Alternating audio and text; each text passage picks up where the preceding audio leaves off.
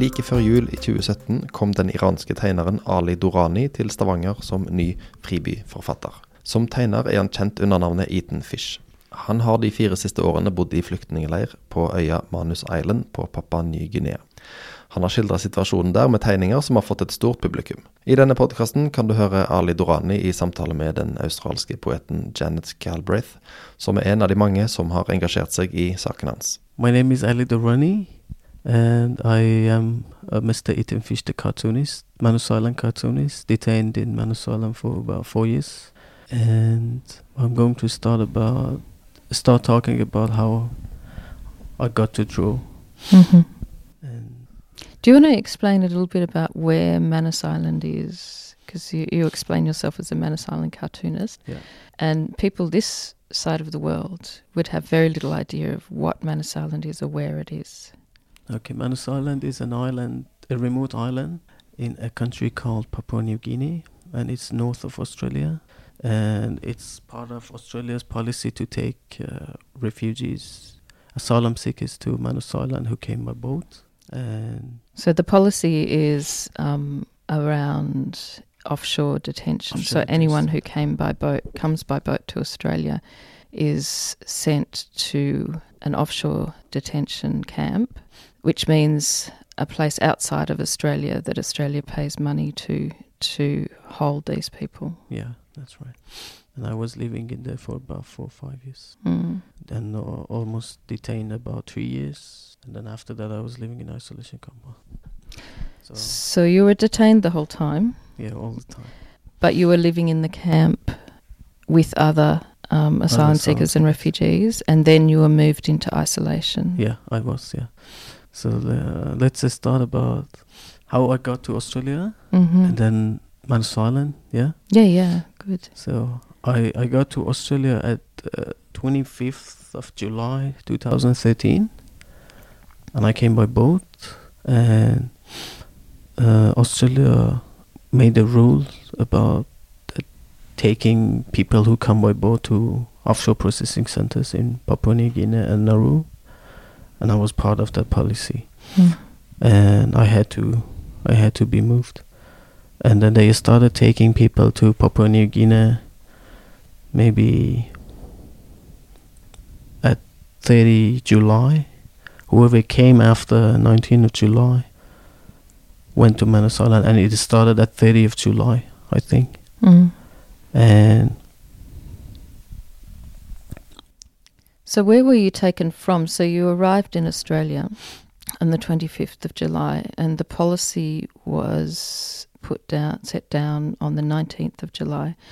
Where were you in Australia, and I what was- was the like that? I that was like? living uh, I I was living in an island called Christmas Island and it's in Australia's onshore border and this island is uh, actually a detention center for asylum seekers who come by boat Mm. and they stay there and they get processed and then they move to Australia. But the time I arrived to Christmas Island was so different. It Mm. was after the new law Mm. and yeah. Can you describe a little bit more about what sort of place you were held in?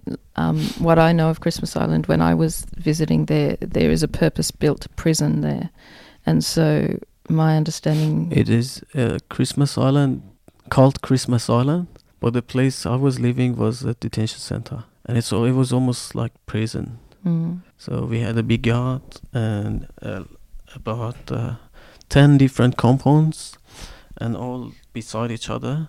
So the compounds were called white, blue, gold, and green. Mhm. And we had a library there, we had computer room there, Mhm. but it was all in the center. It was like a circle, Mhm. everything around.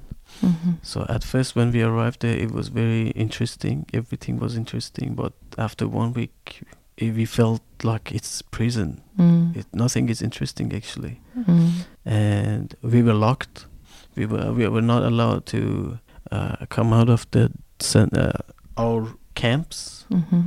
Like uh, it was like a big cell, 150 people living in, and then different rooms in the cell. Mhm. and then the only way we could see outside was little holes on the wall and Mm. That was the only time, or we could only come out when they allowed us. Mm. And it was just specific times at 10 to 11 in the morning and 2 to 4 in the Mm. afternoon. That was the only time we could come out and exercise and but it was a prison so Mm. like it was like we had breathing time, eating time. Yeah. Mm. Exercise, punishment time. Mm. Yeah. And there was uh, a, there were lots of cameras there Mm. and everywhere. Not in our room. I don't know about the rooms. Maybe there were recorders in the room, because sometimes we used to talk and then the officers knew about it, Mm. our conversations. Uh, cameras everywhere. Anytime we wanted to have dinner and lunch and breakfast, we had to go to the line, stay in line. Uh, What's the line? foods line. hmm Yeah. What does So it look like if you if you were drawing it? What does it look uh, like? It was uh, the compound I was living in supposed to keep only forty people, Mm. But we were about 150 people. Mm. And so when I say foods line, food actually foods line supposed to be for 40 people, Mm. not 150 people in a very small place. So Uh, you were served food, but you all had to line up and yeah, wait we had and to wait line and up wait. and we had to line up for maybe half an hour until we get the food. Mhm. And lots of fightings and you know there was like a officer always standing there and telling us what to do, how to stay in the line and Mm. Yeah. And I I was living in Christmas Island for about six months Mm. until I got to Manus Island. But while I was living in Christmas Island, I uh, I started having uh, a problem with illness I had, mental illness, Mm. And it's obsessive compulsive disorder. So I like cleaning a lot, Mm. and Christmas Island wasn't the place to keep clean. And about, about two months after I arrived to Christmas Island, I started having this problem, and it got worse. And I used to wash a lot, clean my hands all the time, wash my face, get showered three times a day. Mm. And I didn't like to go outside, and I used to vomit a lot. Mm. and yeah. I went to the doctor. That's where i, st- where I started drawing again after six five or six years. Mm. i went to the doctor to talk about my ocd and then the doctor told me that i have to take medication. Mm. if because i i, I used to wash books and papers and pencils. Mm. and yeah. And then when i told to the doctor all these things he said i have to take medication and then i was scared of taking medication because i was thinking that if i take medication and they report it in my documents Mm. it, i'm gonna be blacklisted to go to australia because they will say he's mental he's got mental problem Mhm. so what i did was i ignored taking medication Mm. and uh, the doctor told me if you don't take medication, you have to find a way to fix this problem. Mm. If you have if you have any hobbies or any skill, you Mm. can start to just just a little bit put yourself away, away from the situation you have. Mm. And then that's where I started drawing. And yeah. So, what did you start drawing, and and how did you do that? Oh, I started drawing about uh, food line. Okay. because food line was horrible. So nobody liked to stay in the line. They they just wanted to have the food and then go. Mm. Nobody was unstable, uh, stable mentally, Mm.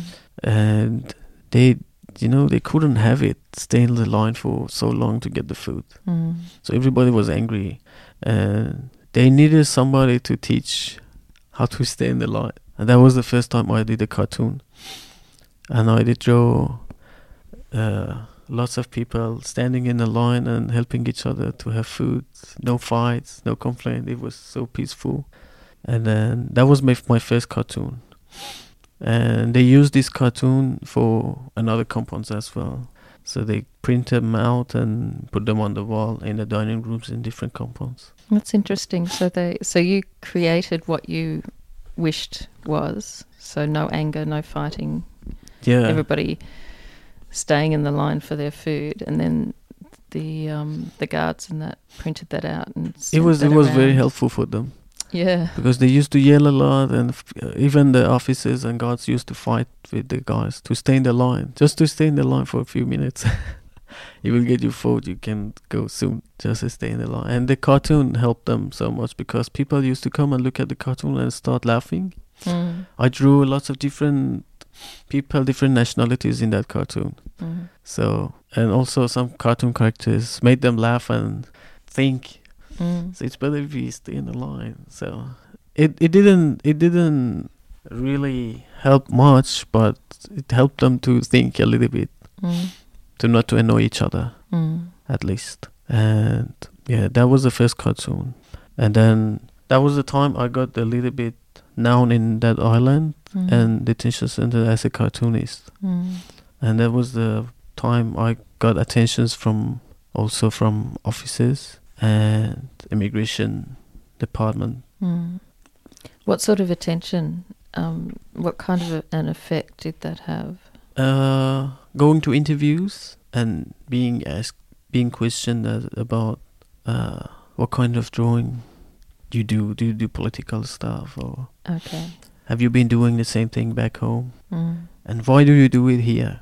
You know, I remember one time I did draw a cartoon on a shirt, on a T-shirt, hmm white T-shirt, and I did draw Australia's map, and I said I'm a refugee, and Australia's map was crying. Ah, yes. And yeah, after that, I got too much attention on me there, and it was like nobody was happy about that T-shirt. I used to wear it and just walk. It was a long time of staying in Christmas Island, maybe four months, and Mm. nobody was feeling well, and we could see people being taken to Manus Island from Christmas Island Mm. every week, every Thursday. They used to take them to Manus Island, and I was still waiting. I was in a line again. Yeah. What What were people feeling about going to Manus Island? Uh, people were frightened because we didn't even know where Papua New Guinea is. They didn't Mm. even tell us. Mm. And then we used to think they used to tell us that Papua New Guinea is a very horrible country.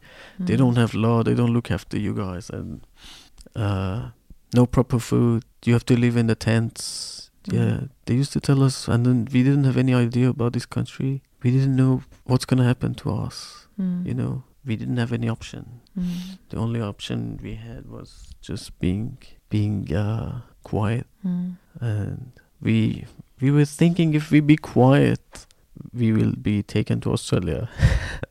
that was uh, what what I was really thinking, Mhm. and but it didn't work. Mm. So I was taken to Manus Island at 28th of January 2014 after Mm. six months living in Christmas Island. Mm. Can I ask a question? Because I know, um, I know one of the things that used to horrify me was when people were taken to, for some people anyway, taken to Nauru or Manus Island. They often were not told that it was going to happen, and so everybody's waiting, anxious, wondering if it was going to be them. And then I know that, especially, I was in touch with a lot of the young kids who'd arrived alone, and a lot of the young women, teenagers and that at three or four o'clock in the morning they'd just get a bang bang on their door and a garbage bag would be thrown inside and they'd be told to put their stuff in the garbage bag and they'd be taken out Yeah, put in like a cage kept there and then put onto the aeroplane some of them in handcuffs and and with two big guards carrying each person onto the four big airplane. you had four Yeah. okay I'm, So- I'm not a big guy, but I had four. i was wondering if that was what happened to you or what, Yeah, we. Uh, can you explain that yeah. Uh, every Thursday, we knew that there is a dead list coming, mm. and everybody was scared of Thursday. Nobody Mm. liked to go to Thursday, you know. Mm. And uh, every Thursday, immigration officers used to come in the compound and call us, wake wake us up, and then take us to the yard, big yard, Mm-hmm. in the in one of the compounds, like blue compound, Mm. and I start calling the numbers and names. They used to call us by name by numbers. So, So, so they didn't- call you by your name. nah, but just numbers. Mm. And then sometimes they used to do that. It was so nice. So they didn't come behind our room and knock the door so hard and say, "Wake up, wake up!" and throw the uh, bags inside and say we Mm. have to collect our stuff. Mm. But most of the time they used to come knock the door Mm. without even taking all of us to the yard and letting us know that they are going to take us. Mm. So it was so bad. You used to wake up, too much fear, Mm. and then they say, "It's you. You have to go. Come on, take your stuff." And then they also used to come and search all our bags, what uh, to t- uh, and uh, take our things out of a bag to check Mm. to see if we are allowed to take some of the things to Manus Island. Mm. And then if if I had some things I couldn't take, I really couldn't. They wouldn't let me. Oh, they Mm. wouldn't let me. Yeah, Mm. and yeah, it was horrible. Thursday, Mm. and So what happened to eating fish on your Thursday? uh, because I was a bit down in in that island, Mm. and uh, when when it was my time to go to Manus Island, I knew it a week before. Ah. So they told me, they told Mm. me, Ali, your name is in the next week's list. And then I was, I was thinking they're joking, Mm. cause I wasn't. They used to say, uh, like, uh, if you make trouble, if you protest, you will be Mm. taken to Manus Island fast. Mhm. But I didn't do anything, and when they told me I'm going to Manus Island, I was, I had too much fear. I was telling myself I didn't do anything. I, I was doing whatever Australia told me Mm. and but it didn't help. So a week before I go to Manus Island, I knew it, and that week was like a year. Mm. Yeah, and I didn't want it to be finished. They came to my room, and uh, I wasn't even ready at Thursday. They came to my room in the morning, and they called me again. They said I have to go, and I was the last guy Mm. from Christmas Island to got in to get, uh, and I got it in that airplane to go to Manus Island. Mm. So I was the last person, and I was still hoping that they take me back to my room again, but they didn't. Mm. And I flew to Manus Island at 28th of January 2014, and I took all my drawings with me. I had two sketchbooks, and I took them with me to Manus Island. And uh, I had a, there is a long story about how we had gods with us Yeah. because it wasn't like because I'm a troublemaker I had to have four gods with me. No, the gods were with me uh, because of the story I was telling them about myself Mhm. and my past. Mm. Like if you were if you if you knew martial arts, you Mm. would have eight guards with you, six guards with you. Mm. If you didn't know anything, you had just two guards. Mm. And myself, I was a cartoonist, and they knew I'm a troublemaker. For I had four guards with me. Just in case you're going to draw guards. something. Yeah, yeah, yeah. And then I got to, uh, we got to airplane. We flew to Darwin, North Australia, Mm. and the airplane landed in Darwin. And then we were thinking that we're going out. We're going to. It was just a lie taking us to Manus Island. Mm. and then they didn't let us out and the officers it was like uh how do you say like uh, 50 people 50 asylum seekers and 80 guards inside and then when we landed in darwin they uh changed the shift Mhm. like the old officers went out of airplane and the new officers came in Mm. and every seat we had a guard with us Mm. like i was sitting and i had a guard beside me Mm. and it was also to the next seats the same thing Mm. and they we flew from darwin again unbelievable Mm. and we landed in manus island airport yeah and and it was it was so hot at first when i arrived to manus island i couldn't breathe and uh, everything was green Mm. jungle and when when I got out of airplane there was this very heavy breath and then I couldn't I couldn't have it I was so scared Mm. and there was this uh, few guys standing down the stairs and they were calling us our number What did they call you?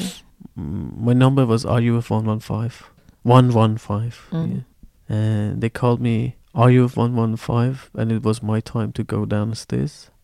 and they I don't know they had three lists and uh, I don't know what what they did in the list, but it was like I'm allowed to go to Manus Island now. Mm. And uh, we got to the buses, and the buses drive to the detention center, and everything was normal uh, on the street. It was like a small village, and but when we got to detention center, everything changed. You know, What was your first um, impression, or, or when you first arrived at the detention centre? when what did I you first see? What did you feel? when I first arrived in the detention center, it wasn't even a detention center. It was, it was very dirty. Mm. A detention center is dirty, but this one was so different. Mm.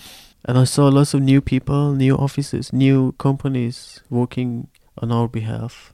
And it was so hard. They kept us in a compound. When we first arrived, they kept us in a compound called Bra- Bravo, I think. Mm.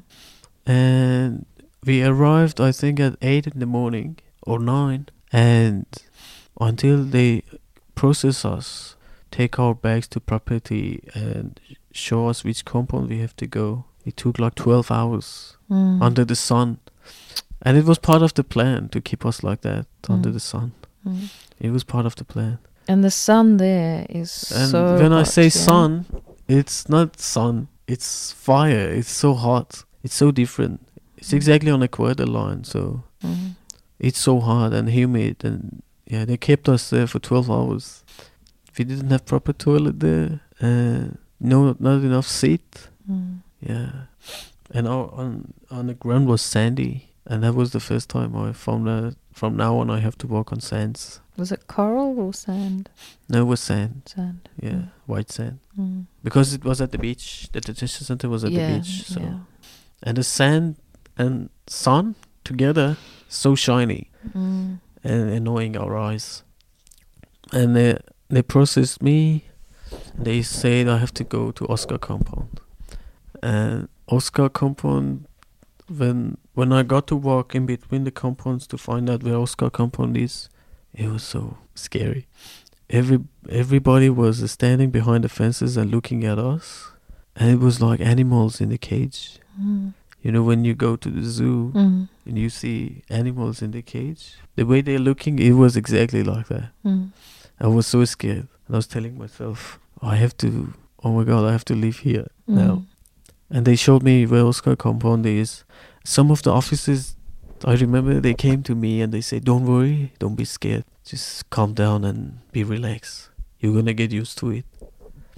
And then it was very busy at the gate. And when I went in, it was full of people, like 600 people living in Oscar. It was too busy. So it was very crowded. It was, yeah. Mm. And so, if someone had no idea what Oscar compound looked like or meant, how would you explain it to them in words? Yeah. In Oscar compound, everything was white. So the walls, tents, dining room, sand, sun, everything was white. And uh, we didn't have proper toilets there, Mm. uh, very dirty showers. And So you lived in tents. yeah, I was living in tent. How many people in one tent?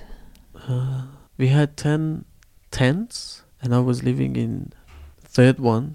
It was over 50 people inside. hmm Yeah, maybe more. Mm. Some some other tents more more than fifty, some less, and it was 29th of January two thousand fourteen that I went to Oscar, hmm and it was uh, uh oh I people used to say yeah, in the morning when you wanna go for breakfast you have to wake up early, Mm. and I didn't know what what they mean. I thought so it's breakfast. Why do we have to wake up early?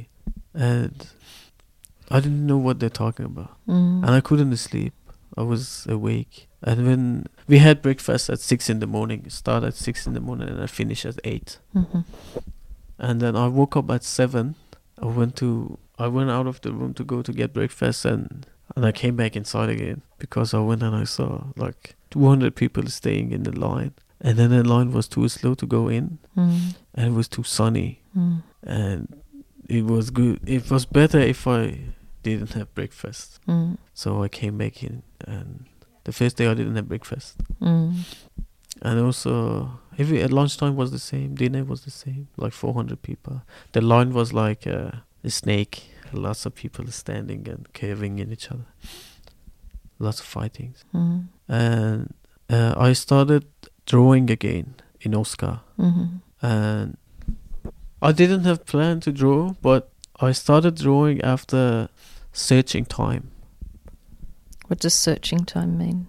Uh, all the guards come in the compound, Mm. like about hundreds, Mm. and then when we are sleeping, like about seven in the morning and six in the morning, they come. They knock the door so hard. It's Mm. like it's like there is a big fight going on, Mm. and they yell. They tell us to get out of the room. Don't Mm. touch anything and get out of the room. Mm. and then they when we get out they say uh, uh, when we got out of the the room at first they said they were going to search our our stuff Mm. and they did search my stuff like four days ago why do they want to search again Mm. and then we had to go back inside the rooms and take our bags out with the security like standing beside us Mm. and there was uh, guard and police officers Mm. local police officers png Mm. PNG Royal Police, did Mhm. he say? Mhm.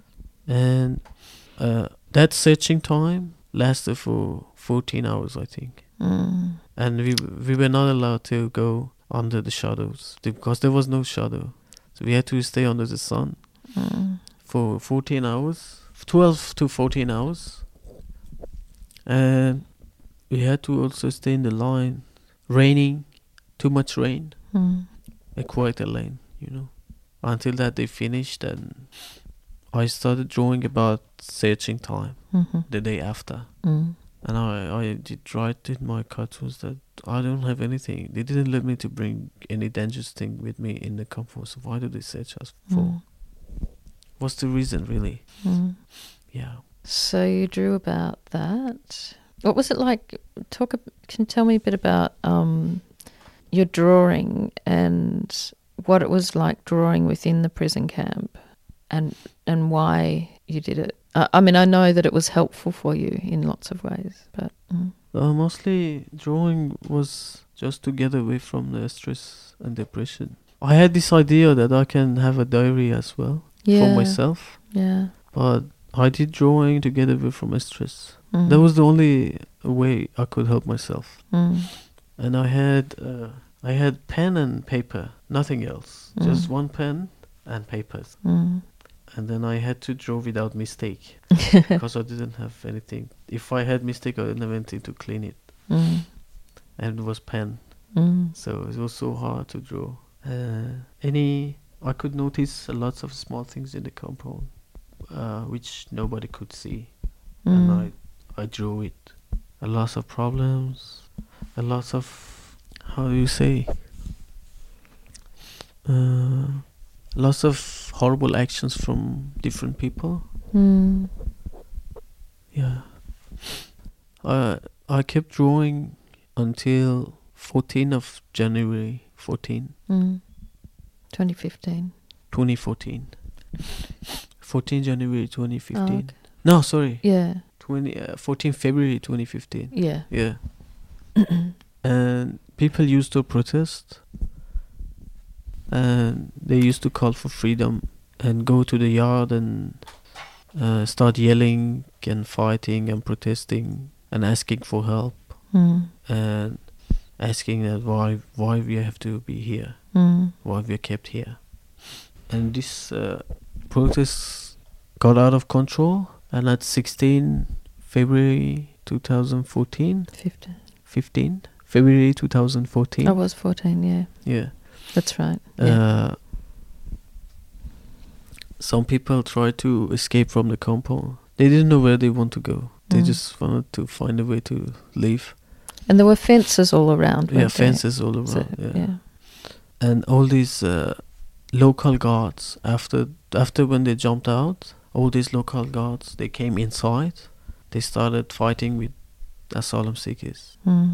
and they had this big line of people. Like somebody was uh, uh, leading them, Mm. like how to stand, how to walk, and how to attack. it is like a battlefield. Mm. and they started breaking things in dining room and trying to come in our room in our tent Mm. and the same thing was going on at 15 16 and 17 and at 17 uh, one of the asylum seekers was killed Mm. was killed by a local guard Mm.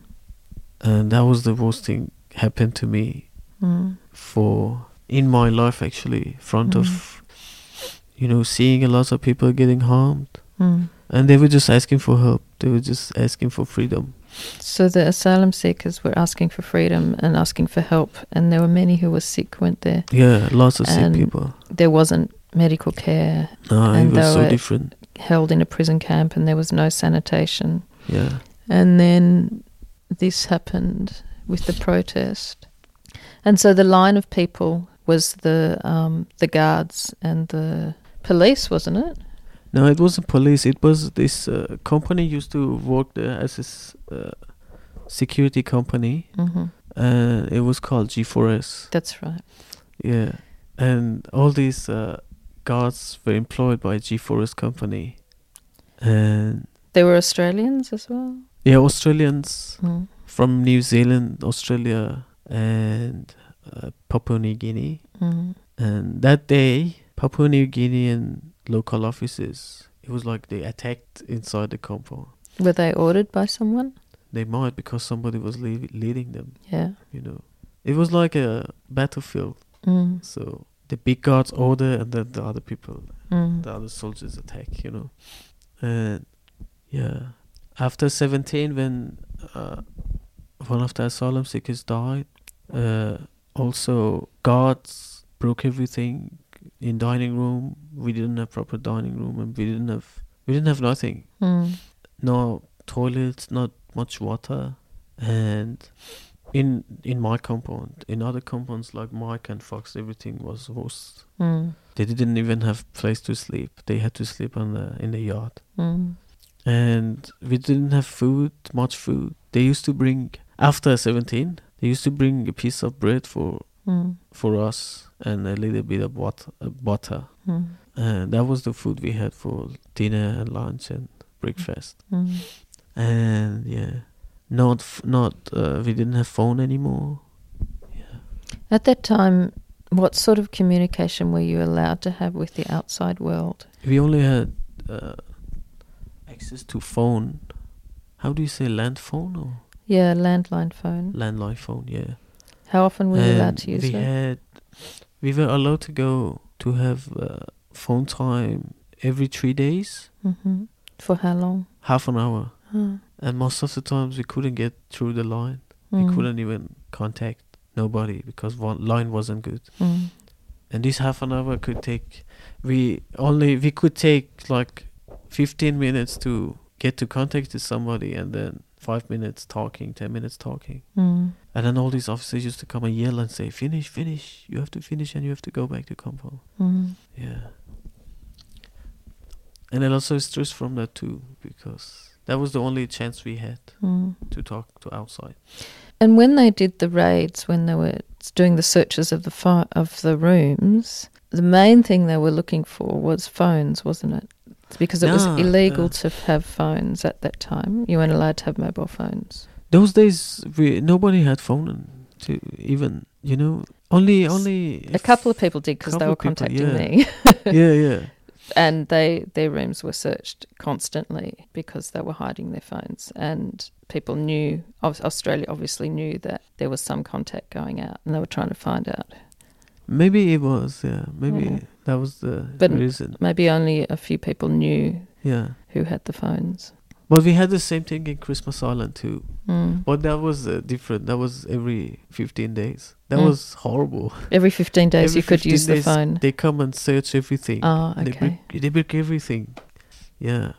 Christmas Island was different. Manus Island, we had it every two months, maybe every month, a month and a half, Mm. and it was like a worst day. Mm. What did they do with your things? Uh, I can't remember really, Mm. but I remember I, you know, I have OCD, Mm. and they wanted to search my things, and then I wasn't happy about about it. They Mm. wanted to touch my clothes and Mm. touch my bags. Mm. And this guy was uh, the officer one uh, who were doing that. He was sweating and he was horrible. He was uh, he, he, It didn't help look with clean. the OCD. Yeah. And I was yelling at him and say, "Why don't you clean your hand? You have to clean your hand first. You have to clean your face before you put your hand in my bag." and then they wouldn't listen, you know. Mm. And it was out of my control. I couldn't control myself. Mm. Yeah, and after that, after 17, when somebody died, I, I did draw a cartoon and I put a grave in my cartoon. Mm. That was the first grave I started putting in my cartoons. That cartoon was also about being a refugee, not having a option to go, an option to go forward and to go backward. Mm. No option. And I added, I added rain, sun, black and white cartoon uh, with a grave. Mm. That was the first cartoon after uh, one of the asylum seekers died. Mm. And I kept doing it because I could see a lot of people coming and uh, feeling interested to see what I do. Lots Mm. of other asylum seekers. Mm. And then it was like giving them hope, you know. They didn't have like a, no internet, no phone. Mm. And looking at the cartoons was just like reading newspaper every day you know Mm. some hobbies having something new and yeah i kept doing it uh, until fif- uh, 2015 Mhm. yeah and we started having protests and hunger strike Mm. yeah and i did hunger strike for first time in my life Mm. And that was a hunger strike, a mass hunger strike, with, um, where most of the people who were in the prison camp went on hunger strike. yeah most Right. of the people did Yeah. yeah and um, people were just asking for help Mm. they wanted to send their voice outside somehow Mm. that was the only chance hunger strike you know Mm. and uh, we we did hunger strike. They they started doing hunger strike in my compound first. My compound was about hundred meters away from Oscar compound, Mhm. in same detention center but different parts. yeah And officers officers used to bring food and eat in front of us. Like they they were scared of coming inside, and then they used to bring food behind the fences and sit behind the fences and eat the food.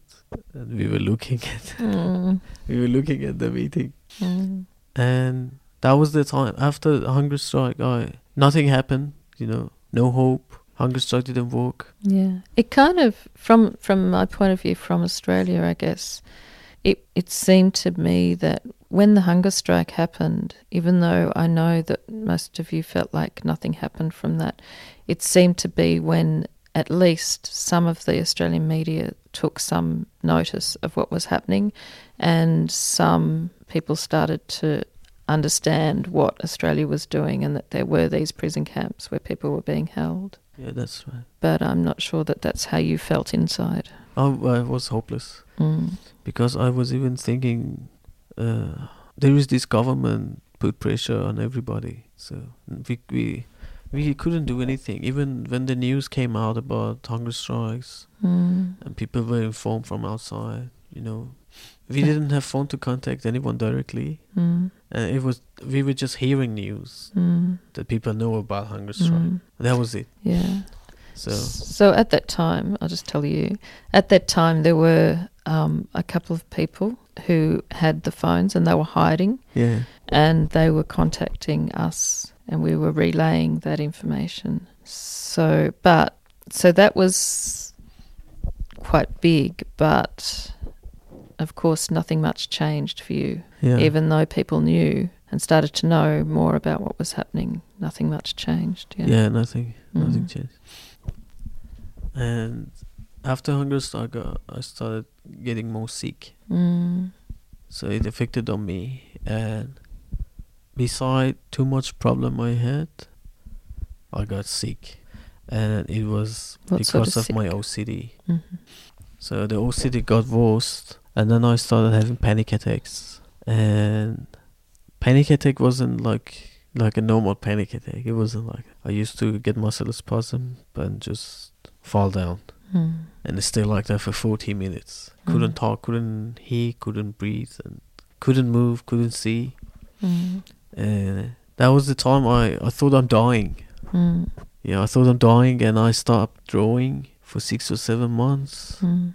and there was no proper medical treatment, and yeah, I remember I used to sit be- behind the fences because I didn't know how to fix my body to not to get panic attack anymore. Mm. Uh, I didn't, I couldn't think properly, so I used to th- sit beside behind the fences and for all day, and not I, I wasn't doing anything else, just sitting and looking under the rain and sun. Yeah, Mm. I was so scared. Mm. Do you need a break? Yeah, yeah, Break? yeah. yeah. I started drawing to send my voice out. Yeah, yeah, that's got to good. know first, Yeah, okay. yeah, that's great. Okay. Yeah, and I got so sick after hunger strike. Uh, uh, during the period I was sitting behind the fences, Mm-hmm. I was thinking so much about how to fix my body, and I thought that it's better if I keep drawing and find ways to send them out. Mm-hmm. The, I was thinking that that's the only chance if I want to uh, feel better and I want to go through the pain I have doing drawing and then sending them out to other people Mm-hmm. so they can send my voice to governments and ask for help. That was the time also I got to know first Dog on the Moon and you. I actually knew you earlier, Mm. but you also introduced me to First Dog Mm. and it started helping me to publish having exhibitions in Australia Mm. with my works. Yeah. And when I had exhibitions, when we had exhibitions, Yeah. I was feeling weak too because I wasn't there in the exhibition where my drawings are. Mm. And The second exhibition was more of a focus on your work, and that was in tw- the first exhibition we did was in 2014, and we used a few of your um, drawings, and you hadn't drawn as much then, yeah, yeah, but they were very people were really affected by them, Yeah, and that was remember- actually quite a big exhibition. yeah, I remember you said people used to cry, Yeah, look at the stories, and And then the second one was just after you had, um, I had introduced you to First Dog, Mm. and that was more of a focus specifically on your work. And what was the feeling of that when you knew that was happening? Mm, I was feeling weird I I wanted to be there, Mm. you know. Even sometimes I was crying because the exhibition was on and Mm. I didn't have I couldn't meet people there. I didn't have access to talk to to know about what the what their opinion is about my paint drawings. Mm. Uh, but I kept drawing. I kept drawing and sent them to you. Mm.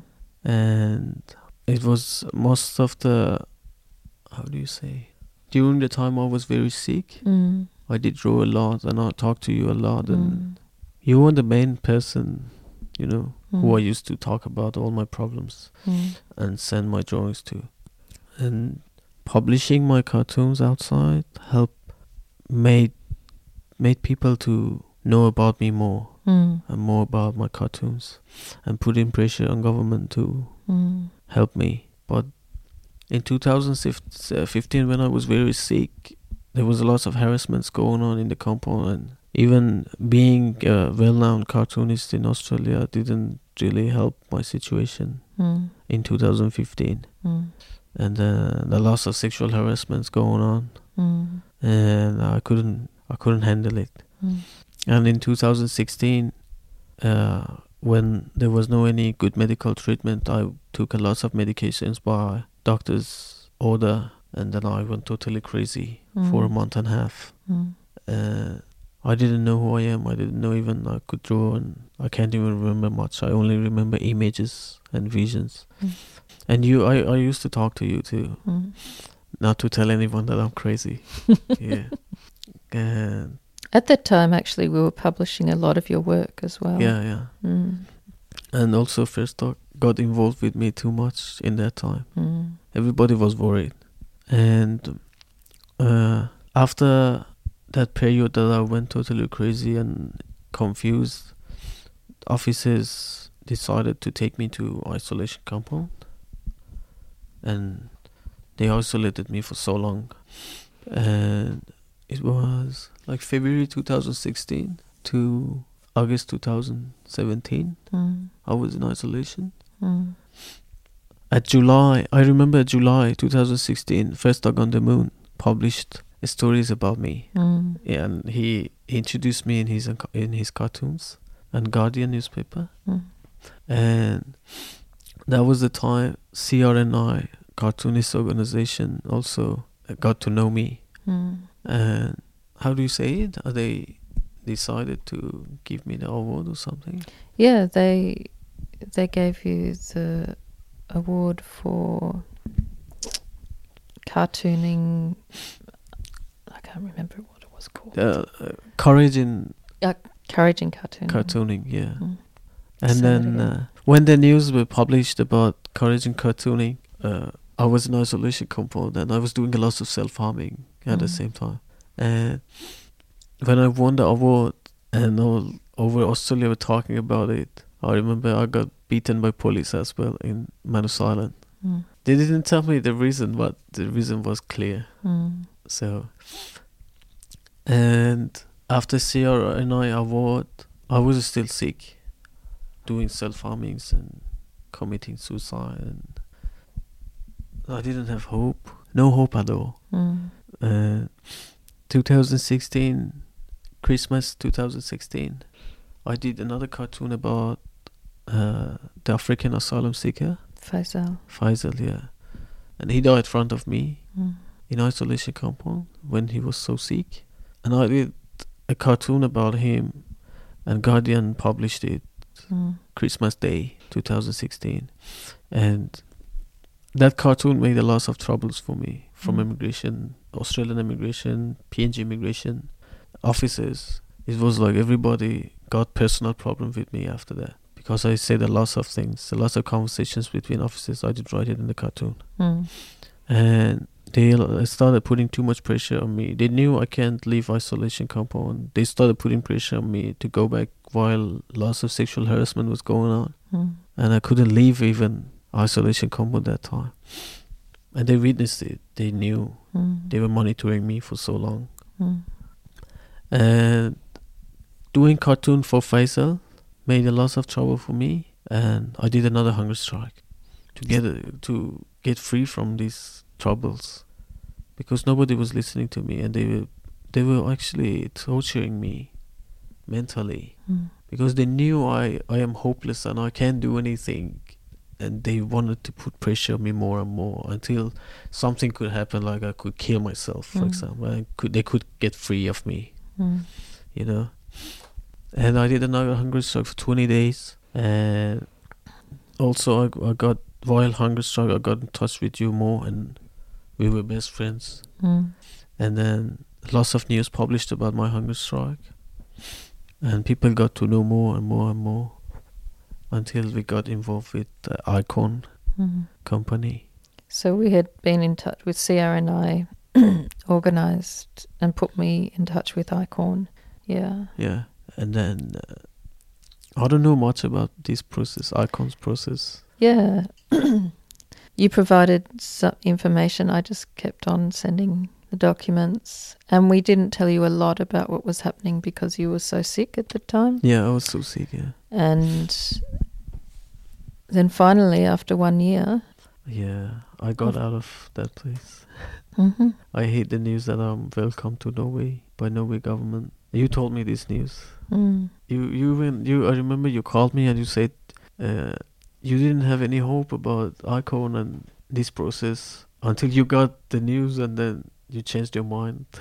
you called me and you said, Ali, you're welcome to Norway, and you couldn't stop la- stop laughing. yeah. yeah, because I knew that you didn't. Tr- you knew. I knew that you were thinking this is just another crazy Yeah, idea of exactly. Janet's, and nothing's going to happen. And then it did. yeah. And cartooning helped me to come here. Yeah, Yeah, now I'm here. cartooning an ICORN. ICORN, yeah, Yeah. cartooning ICORN. Sierra and I. Yeah, First Dog on the Moon, and Yeah. you. yeah.